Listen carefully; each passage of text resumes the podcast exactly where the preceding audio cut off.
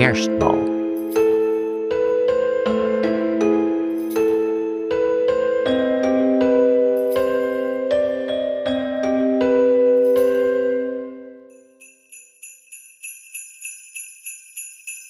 Kerstboom! riep Claire, wijzend naar een kerstboom die stond te schitteren achter het keukenraam ergens in haar straat. Ah, shit, ik zag hem ook, zei Anouk. Maar ik riep eerder, zei Claire. Dat is dan acht voor mij en vijf voor jou. Claire en Anouk deden aan kerstboomspotten op weg van school naar huis. Ze hadden al veel mooie exemplaren gezien. Prachtige bomen die vol trots in de voorkamer stonden en zielige sparretjes met een paar kromme takken. Ze zagen zelfs een felroze boom van plastic. Die is nep, die telt niet, zei Claire.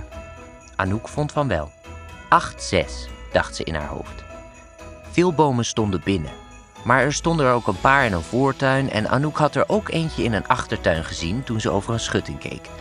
Zij is langer dan Claire, dus dat was makkelijker voor haar. Ze liepen expres zigzaggend door de buurt om zoveel mogelijk bomen te kunnen zien. Opeens stond Claire stil en Anouk botste tegen haar aan. Kerstboom, riep ze weer en wees voor zich uit. Wauw! En ze rende er naartoe. Het was misschien wel de mooiste kerstboom die ze ooit hadden gezien. Hij was wel vijf meter hoog, dat vond Anouk, maar ze was niet heel goed in hoogte schatten. Er hingen ouderwetse lampjes in die leken op kaarsen en er zaten zilveren en gouden ballen in. Helemaal bovenop stond een piek in de vorm van een grote ster. Achter de boom doemde een statig donker huis op. De ramen hadden dikke vitrage, waardoor je niet goed naar binnen kon kijken, en waren versierd met glas in lood in donkere kleuren.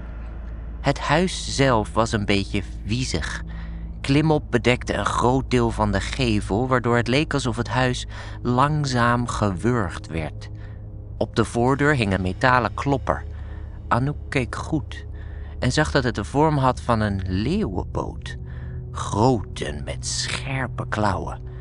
Als je klopte, sloegen de klauwen in de deur, zag ze, want daar zaten kleine gaatjes in het hout. Wie zou daar wonen? Wow, moet je zien, zei Claire. Daar is een kerstbal in de vorm van een eenhoorn. En inderdaad, de gouden ballen in de boom waren niet allemaal rond. Daar hing een eenhoorn, goud schitterend tussen het groen van de boom. En daar is een vogel! Ze bestudeerde de boom nog beter en ontdekte steeds meer gekke figuren verstopt tussen de gewone ronde ballen. De figuren hadden veel details, zo leek het vogeltje niet van echt te onderscheiden, alleen was het dan van goud. Maar ook zagen ze bijvoorbeeld een huisje wat net het kleine koekhuisje was uit Hans en Grietje. Of was dat het wel? Anouk keek naar het grote huis. Moet je kijken, ze stootte Claire aan. Dit huisje heeft dezelfde vorm als het grote huis. Kijk naar die ramen. Volgens mij is dit hetzelfde huis. En jawel hoor, het was bijna precies hetzelfde. Alleen dan in goud natuurlijk. Zelfs de leeuwenpoot klopper zat op de deur, maar dan heel klein. De volgende dag gingen ze weer langs de boom. Huh? riep Claire verbaasd toen ze de straat inliepen. Hoe kan dit? De boom, die gisteren goud en zilver schitterde, was helemaal veranderd. En ditmaal was hij roze versierd, met allemaal nieuwe kerstballen. Waar gisteren de eenhoorn hing, was nu een flamingo. En er hingen allemaal elfjes in. En het huisje was er nog steeds, maar nu roze gekleurd. Hoe was het mogelijk? Deze mensen zijn echt gek, zei Claire gniffelend. Eerst een gouden boom en nu een roze. Hebben ze echt niks beters te doen? Ze boog zich over het hek van de voortuin en strekte haar hand uit naar een kerstbal in de vorm van een ijsje. Mmm, deze ziet er lekker uit. Anouk keek nog iets beter naar de kerstbal in de vorm van het huis met de mini-leeuwenklopper. Maar toen.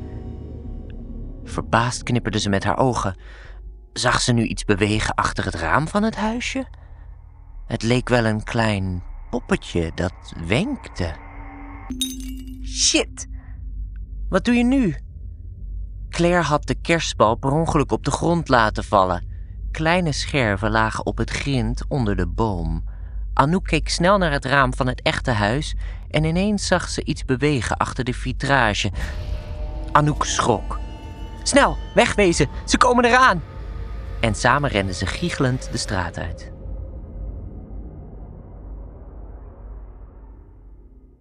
Bij Claire thuis stond een klein kerstboompje, vrolijk versierd met ballen in allerlei kleuren. Claire zuchtte. Ik voel me toch een beetje schuldig. Ook al hebben ze al zoveel ballen, volgens mij was dit toch best wel een dure. Misschien dat ik een leuke bal meeneem om het goed te maken.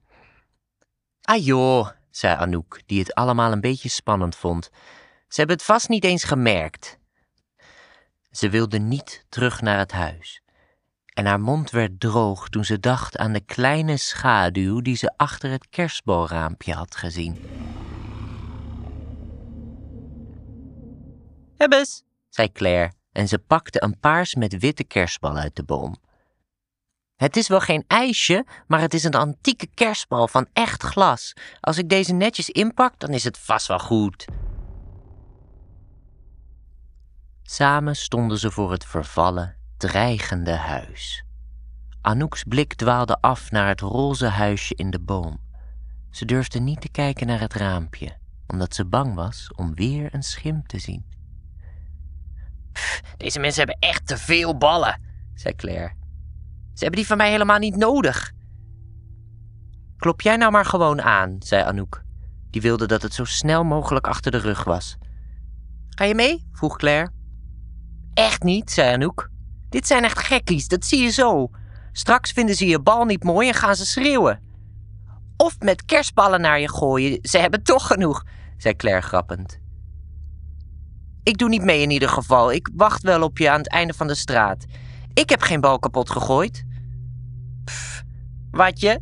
zei Claire en ze stapte het grindpad op dat naar de voordeur leidde.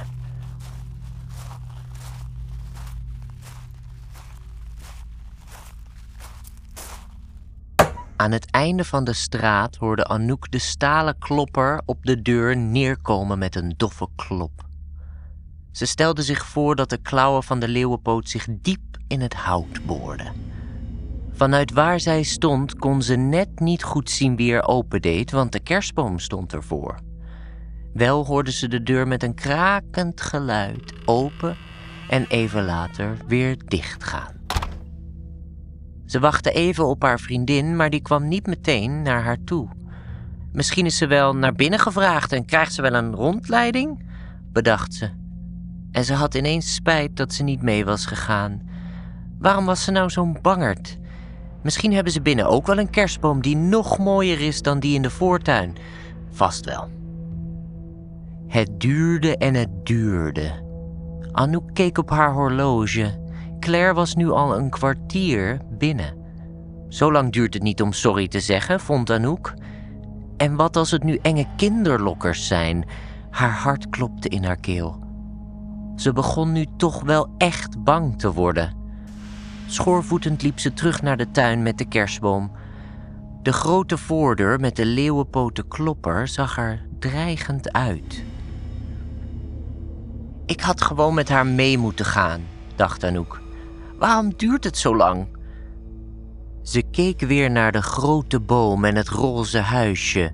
Zou ze deze keer weer iets zien? Ze speurde naar het kleine glazen raampje. Ze zou toch zweren dat ze iets zag bewegen.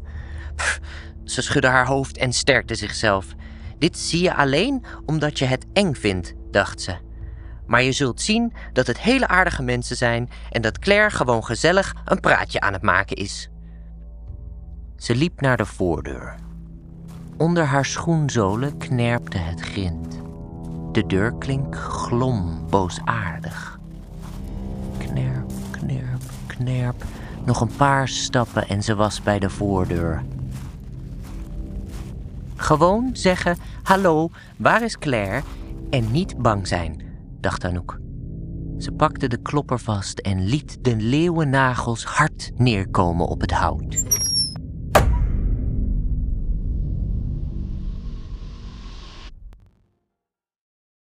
De volgende dag was de boom paars met wit. En als je goed keek, dan zag je het huisje weer in de boom hangen, paars glanzend naast een antieke paars met wit gestreepte bal.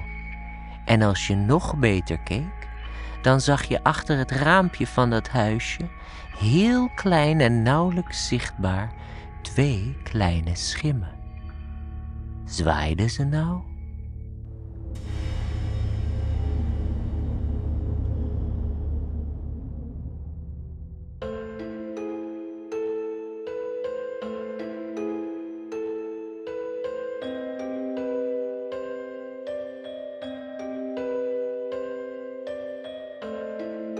Dit verhaal is geschreven door Wijken van Kolwijk.